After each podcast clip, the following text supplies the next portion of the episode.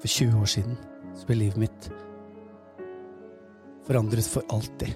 Og da mener jeg for alltid. Jeg våknet en morgen. Så ser jeg på telefonen min. Mamma ringer. Jeg svarer alltid når mamma ringer. Men denne gangen var det helt annerledes. Jeg svarer røret, og på andre siden av røret så hører jeg mamma som griner, griner, griner og gråter. Så hun klarer ikke å komme fram til et eneste ord. Så sier jeg, Hva er det for noe, mamma? Hva er det for noe? Og hun gråter, og så sier hun ordene. Faren din er død, Charles. Pappa er død. Hva, sier jeg. Er pappa død? Hele verden raste sammen. Jeg visste ikke hva jeg skulle gjøre. Der jeg står, mister jeg telefonen i bakken, og verden går i svart.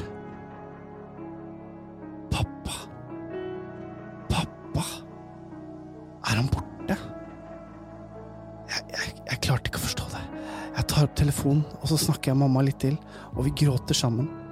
Det blir helt stille i telefonen. Vi begge skjønner nå at livet har fått en ny dans. Nå måtte vi finne ut hva vi skulle gjøre videre. Så det vi gjør Den dagen pappa døde, så var han på turné med Sandnes Barneteater. Han var i Kongsvinger og skulle forestilling, holde forestilling der. Med Sandnes Barneteater, og de skulle ha Kardemommeby. Pappa hadde gått ut i bilen for å hente noe. Og etter hvert så kom han ikke inn igjen, så gikk stemoren min ut for å se etter han. Og da lå han imellom setene og skulle ta opp noe fra gulvet. Og da stoppet hjertet. Vi hadde prøvd å få liv i han ganske lenge. Men livet sto ikke til å redde. Den dagen så kjørte vi helt til Kongsvinger. En to timer kjøretur på Kongsvinger sykehus. For å ta farvel med pappa en siste gang. Da jeg kommer inn i rommet der, så ligger han på senga. Øynene er igjen.